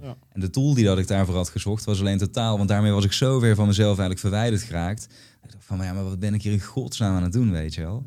Ehm, en uiteindelijk heeft me dat weer naar het ondernemerschap geleid. Dus daarom zeg ik ook altijd, want het klinkt al meteen heel zwaar. Dat ik, denk, ik kijk er met heel veel dankbaarheid eigenlijk op terug. Want dat heeft me sterker gemaakt dan nooit. En in de richting van het ondernemerschap geleid. En dan kom je weer bij jou natuurlijk wat ondernemerschap voor jou ook heeft, uh, heeft gedaan. Ja. Maar inderdaad, je zegt dus wel van oké, op het moment dat ik dus inderdaad de afstand van, doe, dan, dan is het heel duidelijk, er is een andere kapitein op het schip. Ja. Ik laat nu los. En daarmee is eigenlijk de kous af dan, dan voel ik me er ook niet emotioneel meer betrokken bij. Precies. Ja. ja. Wat was überhaupt de reden dat je het ging verkopen? Want het liep op een gegeven moment beter dan ooit, stel ik me dan voor. Ja, uh, zekerheid zeg maar, ondernemen is alles behalve zekerheid. En uh, mijn bedrijf was toen op zo'n punt dat, dat ik, als ik het toen dus verkocht, dan wist ik gewoon. Uh, het is niet zo dat ik dan nooit meer in mijn leven hoefde te werken. Alleen ik wist dat er dan een dusdanig financiële zekerheid was. Dat, het, uh, ja, dat, dat ik kon werken uit het kunnen en niet vanuit het moeten. Ja. Zeg maar. En dat voelde heel fijn voor mij. Plus de branche was super onzeker werd steeds lastiger gemaakt. En uh, ja, dat zie je vandaag de dag. Uh, veel mensen zijn er niet van bewust of zijn er niet mee bezig. Alleen uh, de energiemarkt die ligt op schat. het bedrijf wat ik heb verkocht is vandaag de dag failliet. Meen je? Ja. Ja. ja. Dus je hebt eigenlijk ook op het perfecte moment bij je eruit gegaan. Ja. ja, perfect. Echt perfect. Kon niet beter gewoon. Ja. Echt niet beter. Nee. En aan wie heb je het verkocht? Uh, iemand die je kent of zet je het dan in de markt? Of hoe gaat zoiets? Ik, ik, heb het, uh, ik, ik, heb, ik heb het zo in de markt gezet. Alleen ik heb het toen verkocht aan een partij uh, waarbij ik heel veel eh, contracten onderbracht, zeg maar. Ja. En die wilde niet dat dat bij de concurrent in handen kwam. Dus die hebben via allerlei constructies, zeg maar, 100% betaald voor de helft van het bedrijf. Dus ja, dat is een, een offer you can't Reviews, ja. Precies, zeg maar. En, en ik toen op dat moment toen dacht ik van ja, alles wat ik er nu nog aan verdien, is mooi meegenomen. Precies, ja. is echt mooi meegenomen. En natuurlijk, eh, het voelt nu kut dat het bedrijf gewoon fiet is, maar het, het, het fijne is, zeg maar, ja, niemand kan er wat aan doen behalve Poetin. Uh, want het is, ja, omdat Poetin uh, is binnengevallen ja. Uh, bij Oekraïne, willen, is de gasprijs dus daar nog omhoog gegaan, dat energieleveranciers geen nieuwe contracten willen. En dat is letterlijk binnen zo korte tijd, uh, nou kort, kort, eh, wat is kort, maar in ieder geval... Volgens mij die oorlog die is nu, wat zal het zijn, een half jaar? Ja, een half jaar verwacht ik inderdaad. Dus in een half dus, jaar dus tijd... Stond, stond een half jaar stil. En ja, in een half jaar, als je wel alle kosten hebt, maar geen geld binnenkomt ja. in een half jaar, ja, dan is het gewoon klaar. Zo, wat heftig zeg. Ja, ja, dus echt super heftig. Alleen, uh, ja, het doet me wel wat, omdat het mijn eerste grote onderneming was. Ja, Alleen ik heb toen echt met mezelf afgesproken van elke euro die ik er nu nog aan verdien is mooi meegenomen. En ik, ik, ik heb toen gewoon mijn ziel verkocht. En dat was prima. Ja. Het blijft kut. Maar ik heb er wel vrede mee. Ja. En dat moment dat je hebt verkocht, eh, kun je dat eens... Ik heb hier ook Thijs Verhul in deze stoel gehad zitten. United ja. Wardrobe heeft hij verkocht. Hij mocht daar helemaal niets over zeggen, omdat het nu vinter is geworden. En daar, dat zit helemaal vast met contracten. Ja. Hoe stel ik me dat voor? Jij komt thuis, je hebt een bedrijf verkocht, krijg je dan eens boom, een soort life-changing bedrag op je rekening? Komt dat mondjesmaat dat je eraan kunt wennen? Hoe, hoe werkt zoiets? Nee, uh, ja, dat is wel weer heel... Uh, ik zal het allemaal niet te zwaar maken. Maar ja, ik kreeg in één keer dat bedrag op mijn rekening. En ik dacht altijd van, dat is het gelukkigste moment van mijn leven. En uh, zeg maar om, om, om het verhaal wat, wat, wat uh, ja, gewoon kort te houden, was niet het gelukkigste moment van mijn leven. Ja, nou, ik wil eigenlijk dat je wel wat op in zoomt. Want dit is het moment waar elke, letterlijk elke jongere die nu luistert, nou, ik wil niet zeggen elke, maar heel veel, ja. Dit is wat allemaal op een netvlies staat. Dit moment. Ja. Dit is waar we allemaal met z'n allen zo hard, snap je? En ook met dat ondernemerschap. Er zijn heel veel jongeren die denken van dan, dan ga ik het voelen. En ik ben heel erg benieuwd juist wat jouw ervaring daarin is. Van jij, jij bent daar geweest of je bent daar. Uh, hoe, hoe voelde het inderdaad? Wat was het? Ja, het is, het is uh, ik, zeg maar, er naartoe werken En die jaren bikkelen, die jaren met, met, met, met mensen tegen dingen aanlopen, dat oplossen, successen beleven, ehm, was veel mooier dan eh, het, het krabbeltje zetten en dat geldbedrag op je rekening. En uiteindelijk, ik dacht altijd dat ik het deed voor alleen dat bedrag op mijn rekening, zeg maar.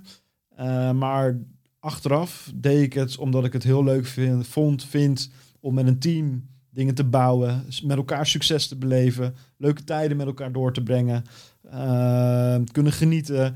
Uh, ja, klinkt heel cliché, maar soort van met je team een familiegevoel te kunnen creëren. Um, dat vond ik allemaal veel leuker dan in één keer dat bedrag op mijn rekening. Ja. Ja, en weet je, ja, dat bedrag op je rekening, dat heeft nu wel ervoor gezorgd dat ik Danny Westgeest ben en in een mooie auto kan rijden en ja, niet hoef na te denken over of ik vanavond ga uit eten en uh, of, of ik nieuwe schoenen koop, zeg maar. Dus ik ben er heel dankbaar voor. Alleen ik had verwacht, maar echt verwacht, dat ik veel gelukkiger zou zijn op dat moment. Ja. Ja. En dat is echt niet zo. Precies. Ja, want dat, dat omschreef je toen ook al, ook met die auto. En ik kan me voorstellen ook dat... Dat stelde ik me toen voor. Jij komt met die auto uh, die wijk ingereden. Nogmaals, als je nu nog steeds niet weet waar we het over hebben, check die video weer. Maar dat heel veel mensen zien, hebben ook nog alleen maar oog eigenlijk voor die autodeel dat natuurlijk. Ja. Terwijl, ja, ik ben in die zin niet zo'n autofanaat dat ik daar helemaal knettergek van word. Maar ik had wel, dat ik deelde ook van, oké, wat heb jij inderdaad allemaal gedaan? En wat is eigenlijk het verhaal elke keer achter zo'n auto bijvoorbeeld? Van, wat, hoe is iemand daar gekomen, ook als je er bent? Wat, Ja. wat doet het met je? Ja. Was dat een van de dingen ehm, die je dan gaat doen op zo'n moment? Je hebt dat bedrag op je rekening, denk je dan van, oké, ik, ik ga bijvoorbeeld een Lamborghini kopen? Of, of wanneer is ja, dat? ik, eh, ik, ik, ik heb mezelf toen wel een cadeau gegeven. En eh, dat was die Lamborghini. Ja. Ja. Ja. En dat is in het begin natuurlijk, kan ik me voorstellen, tenminste dat zei je ook vanuit die driving experience. En het is, het is wel heel erg de eerste maand was top. Ja, En tweede maand, eh, echt de eerste maand was het om elk, eh, elk stoepje die er was een meter naast het stoepje. En in maand twee was het gewoon vijf centimeter naast het stoepje. En af en toe tikte hij me aan. Oh, kut. ja, Ja, het is echt, het klinkt, het klinkt, geloof mij, dit klinkt echt heel verwend. Maar dat is het niet. Het is gewoon alles went. Alles. ja. Echt alles gewoon. In ieder geval qua financiën. Qua financiën inderdaad wel. Want die, Ja. dat vond ik het mooie dat je toen zei van... hé, maar want ik vroeg je van wat heb je de afgelopen tijd gedaan of wat doe je? Toen zei nou, ik ben eigenlijk eh, de afgelopen twee jaar... het zou eigenlijk eerst één jaar zijn, maar gewoon lekker bij mijn gezin geweest. Ja. Eh, en toen ook van die, die kwam wel bij me binnen. Dat ik dacht van, wat jij al zei, van jouw eh, vader... die was er nooit omdat hij hard moest werken om al de, Precies. alle centen te verdienen. Ja. Eh, en jij bent er gewoon al in de eerste twee jaar eh, de hele tijd geweest. Ja. Of het grootste gedeelte van de Ja, tijd. het grootste gedeelte van de tijd zeker. Alleen ja, daardoor heb ik ook wel weer gerealiseerd dat ja, dat niet bij, is wat bij me past. Ja. Zeg maar, want ik dacht van oké, ik ga met pensioen en ik ga lekker alleen nog maar thuis, lekker rondjes varen met mijn boot, lekker met mijn klein in het zwembad chillen en met vrienden en lekker rondjes rijden in de auto. Alleen ja, ik kwam er dus, of dan ja, ik kwam er dus achter van nee, dat, dat is niet de Danny die ik wil zijn of die ik ook ben, zeg maar. Ik, ik ben dus blijkbaar gewoon wel echt een ondernemer in, in, in hart en ziel en nieren, Ja. om het zo maar te zeggen. Omdat ik, ik, ik, ik kan niet stilzitten. Ik, eh, ik kan echt heel moeilijk stilzitten. Dus ik, ik zit dan nu thuis stil en dan denk ik, ja, god, wat ga ik doen? Weet je, nou, Ja. ik ga maar gamen. Oké, uurtje gamen, klaar mee. Oké, wat ga ik nu doen? Weet je, ja, vrienden bellen. Nou, ja, aan het werk. Ja. maar ik niet. Precies, ja. ja, Ja, maar dat, dat is natuurlijk inderdaad het ding van je, je, je verwijderen die ze natuurlijk ook wel een stukje en van jezelf en van de rest van de wereld. ja, En je zegt vrienden, eh, heb je daar ook een verschil in gemerkt? Eh, want ik ben via iemand die jij goed kent bij jou terechtgekomen. ja, Ik heb zelf in mijn kringen ook wat eh, ja, vermogende mensen zonder daar heel tof over te gaan doen. Maar wat mij altijd opvalt is dat zij kwamen bij mij terecht. En dan kom je op een soort andere manier binnen. ja. Omdat ik ook vaak hoor van ja, vanaf het moment dat jij bijvoorbeeld die auto voor de deur hebt staan, heb je ineens heel veel vrienden. En dan staat iedereen er. Heb Nee, jij dat ervaren? Of? Ja, kijk, eh, ik, ik, eh, ik heb twee vriendengroepen. Eén vriendengroep die ik dus eh, ken vanaf mijn 12, 13e, zeg maar. En dat is de vriendengroep waarbij iedereen gewoon in loondienst is. Gewoon, ik denk dat ze allemaal wel iets boven gemiddeld zitten, maar wel gewoon, ja, weet je, met alle spekken moeten wel gewoon ja, de eindjes aan elkaar knopen vaak. eh, Ja, einde van de maand, zeg maar. En ehm, ja, dat vond ik heel lastig, omdat ja, op een gegeven moment was ik dus verder in mijn leven, eh, financieel gezien. En in de groepsapp, ja, elke dag stuurde ik van, "Oh, jongens, wat gaan we doen vandaag? Eh, wie hebt er zin om mee te gaan varen? Of hey, wie hebt er zin om mee te gaan naar weet ik het wat, zeg maar. En ja, ik kreeg altijd te horen van, ja bro, maar wij moeten gewoon werken. Ik kan niet, weet je. En dan denk ik, Ja. hey, jongens, zullen we uit eten gaan? Ja, bro, leuk, maar eh, waar jij uit eten gaat, zeg maar, dat kunnen we niet betalen. Ja. Ja. en toen dacht ik van ja, fuck. En ik heb toen heel erg mazzel gehad dat ik door die autowereld ehm, bij eh, de number one crew, zo noemen we ons, zeg maar, terecht ben gekomen. Dat zijn dus ook een, gro- een groep jongens. Eh, ik denk dat we met z'n, nou, zullen zijn met z'n zes, zeven of zo. Ze zijn allemaal ondernemers. En ehm, ja, we zijn nu de afgelopen anderhalf jaar heel close geworden met elkaar. En daar gaat het heel anders. Omdat, ja, zeg maar, als we dan gaan uit eten, is het oké, leuk, waar en hoe laat. ja. En eh, ja, wat gaan we doen vanavond, jongens? Eh, nou, zeg maar. Weet je, de een die, die komt letterlijk uit Limburg, de andere komt uit Utrecht, de andere komt uit Arnhem. Eh, boeit niet als we een uur moeten rijden ja. Voor elkaar, zeg maar. En eh, in het weekend zijn we heel vaak met elkaar, door de week zijn we met elkaar. Omdat gewoon, weet je, daar kan, kunnen dingen spontaan gaan. Dus even terug te komen, om, ik ben nu even jouw vraag vergeten, maar ik ging naar deze climax toe werken. Nou ja, ik, eh, ik ben vooral benieuwd inderdaad, want ik, ik, ik vroeg je inderdaad van het, het gaat heel erg om die beleving van materialisme versus ehm, eh, personendeel het uiteindelijk Ja. natuurlijk. Je, ja, je het gezin. ging je- meer ja. dat in één keer iedereen je vriend is. Ja. Nee, ik heb heel erg, ik heb altijd dus tegen mezelf gezegd, ik, ik ga niet op zoek naar nieuwe vrienden. Omdat ik had dus mijn eigen huidige vriendengroep, zeg maar, vanaf 13 jaar. En eh, ik heb altijd gezegd, nee joh, dit is genoeg voor mij, ik hoef nooit meer. Alleen, ja, blijkbaar had ik wel hunker naar meer, omdat ja, hun konden nooit. Dus ik ben eigenlijk uit, omdat ik nooit meer met hun, nooit meer is overdreven, maar omdat, ja, ik had in één keer alle tijd, dus ik kon chillen wanneer ik wou. Ja. Ja. ben ik toch op zoek gegaan, ehm, denk ik onbewust, naar mensen eh, waarmee ik wel gewoon eh, door de week en in het weekend gewoon dingen kan doen. En die eh, ook op hetzelfde niveau gewoon financieel dan gezien dingen kunnen Ja. doen. Ja, en, en ik ben heel toevallig ben ik, ben ik daarin in verwrongen. En we hebben twee keer een autoritje gedaan. En dat voelde zo goed. En sindsdien spreek ik die gasten gewoon elke dag. Ja, wat gaaf. Maar Ja. dat, dat heeft ook denk ik een heel stuk met die mindset te maken die jij ook in het begin eh, omschreef. Dat was ook een punt dat ik even zo'n vlaggetje in mijn hoofd zette. Dat je zegt van ja, ik heb een... De mindset had gehad van ik heb één, één kans gekregen, zeg maar. En die wil ik waarmaken, daar wil ik voor vechten. Ja. Maar daarvoor ben je ook heel diep door het stof moeten gaan. En Ja. wat ik wel vaker merk, want je omschrijft enerzijds inderdaad de mensen die in loondienst werken, waar ook helemaal niks mis mee is. Alleen dat is toch een andere mindset vaak. Ja. En ik zeg niet dat je dan niet diep gaat, maar ik merk het ook heel vaak bij mijn vrienden die niet ondernemen, dat het heel moeilijk is voor hun om te begrijpen dat als je het hebt over, eh, ik zit echt even diep, dat het niet betekent inderdaad, nou er is net 3000 euro gestort en ik kan even niet drie keer uit eten deze maand. Precies. Maar dat ik zei van nee, ik zit echt even diep op dit moment. Het Ja. gaat echt even kut. En Ja. het is moeilijk, heel moe- bijna niet te doen eigenlijk om dat uit te brengen. En dan zit je even op een borreltje en dan praat je bijna langs elkaar heen zonder dat anderen het doorhebben. Ja. En ik voel wel heel erg denk ik wat je zegt van los van dat zij ook bij hetzelfde re- restaurant als jij kunnen gaan eten, staan ze wellicht inderdaad ook in totaliteit wat meer hetzelfde in het leven, waardoor je elkaar daarin heel erg voelt of versterkt. Ja, nee, precies. En, en eh, ja, zeg maar. ehm, die vrienden van mij dan, waren, dus nog steeds mijn vriendengroep hoor, dus laat dat voorop Ja, staan. tuurlijk, ja. Alleen, ehm, hun kunnen zich niet inleven wat ik heb meegemaakt, of hun, kunnen, hun, hun, hun, hun snappen het gewoon niet. En dat neem ik ze ook niet kwalijk, omdat het zijn geen ondernemers, zeg maar. Dus hun snappen niet hoeveel stress het met zich heeft meegebracht. Eh, en hun zegt, nou, ja, je, hebt, je hebt geluk gehad. Maat, je hebt, je hebt echt zoveel geluk gehad. Ja, Terwijl ja, die gasten met wie eh, die allemaal ondernemers zijn, die hebben nog nooit gezegd: Yo, grap, jij hebt echt geluk gehad. Die hebben gezegd: Tering, jij hebt hard gewerkt, bro, voor wat je hebt gedaan. En dus die, Ja. die voelen elkaar. We voelen elkaar, zeg maar. Dus dat zijn gewoon twee verschillende werelden. En ik kan met alle twee heel erg goed gaan. Alleen ik vind het wel heel fijn dat ik, dat ik, dat ik dus vriendengroepen heb in alle twee de werelden. Want ja, dat houdt me ook gewoon van: ja, oké, dit is wel hoe ik was. ja. En ja, met deze vriendengroep, dit is hoe ik nu ben. Zeg maar. En eh, omdat de vriendschap met die gasten zo goed is, ja, blijven we nog wel. Want er is geen jaloezie vanuit die gasten die dus eh, van vroeger. Er is echt nul jaloezie. Ze gunnen me echt, echt, echt, echt extreem. Ja, ja. Alleen, ja, ze, ze, ze snappen het gewoon niet. En ik vind het soms heel lastig om dan bij, bij een gesprek te zitten. Net zoals een maatje van mij, die zegt nu al... Ja, ik hoop niet dat hij me hiervoor gaat aanvallen. Maar ja, hij zegt echt al jaren van... Ja, ik ben niet meer blij met mijn werk. Ik wil op zoek naar ander werk. Ik denk bij mezelf, ja bro...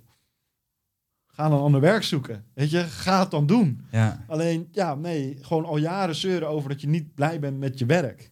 Ja, ik kan dat niet bevatten. Ik vind het Nou, echt ik, heel lastig. Ik dus ook niet. Ik vind het eigenlijk heel mooi dat we hier nu eh, richting het einde van dit gesprek samenkomen. Omdat dit iets is wat ik ook al erg zie om me heen. Wat ik zei van wel mensen die roepen ik wil het. Maar die vervolgens zonder na te denken dat krabbeltje zetten, die molen instappen waarvan we allemaal zeggen van ja, dit zou perfecte leven moeten zijn. Maar daarmee eigenlijk ook al alles wat zichzelf onderscheidt, inderdaad, en wat ze willen en hun ambities Ja. ook wegzetten. En daar vervolgens dan inderdaad op dat momentje dat je wel vrij bent, heb je het ook daarover dat je dat dus niet bevalt. Ja. En dan denk ik juist ook in een land zoals Nederland, waarin het allemaal en inderdaad er zijn altijd al dingen die beter kunnen, maar in principe dat we het zo fucking goed voor elkaar hebben. En dat, als je hier eh, twee gasten geleden, die zeiden ook nog van nou, als je in Nederland echt op je bek wil gaan, dan moet je het ook wel heel bond maken. Ja. Dus waar we met z'n allen, of waar die mensen zo bang voor zijn, van ja, maar wat als ik die stap dan neem, Danny? Wat kan er wel niet allemaal gebeuren, wat Ja. er in je hoofd zit? Ja. Blijkt vaak echt, weet je, alsof je heel bang bent voor parachutespringen. Je springt voor de eerste en is gewoon een hele softe landing. En dat je dacht van ja, wa- was dit het nou? Ja. Maar dat is wel inderdaad de, de tendens waarmee heel veel mensen eh, in die wereld leven. Dat balletje altijd inderdaad voor je neus. Wat- Zo'n kattenballetje, weet je wel. Ja, ja. Oh ja, bonusje, ah, vakantiegeld, ja, ook wel lekker. En niet bereid zijn om twee of drie jaar echt even gewoon... Maar stiekem moeten we, jij en ik er heel erg blij mee zijn. Ja, anders werd het voor ons ondernemers wel heel erg lastig gemaakt als iedereen maar ondernemer zou. Zeker dan, als jij die concurrenten meteen gehad. Ja. Dus ja, aan de ene kant vind ik het sneu, maar aan de andere kant ben ik er wel blij mee. Ja, man, dat ja. En het is ook nogmaals ieder voor zich, want het is Dat nooit om een oordeel te vellen Nee. over anderen. Maar het is Nee. wel inderdaad van ja, eh, jij geeft ook al aan, diegenen zijn zelf ook niet blij op dat moment. Nee. En dan is het iets Ja. anders natuurlijk, als je helemaal gelukkig bent in loondienst. Nee, er er is niks mis mee. Hè? Maar ik denk, denk voornamelijk, en dat is misschien waar we hem dan ook kunnen afsluiten, is dat je eh, zeg maar, eh, in loondienst is ook geen zekerheid. Ja, Iedereen denkt in loondienst zekerheid, maar in loondienst is ook geen zekerheid.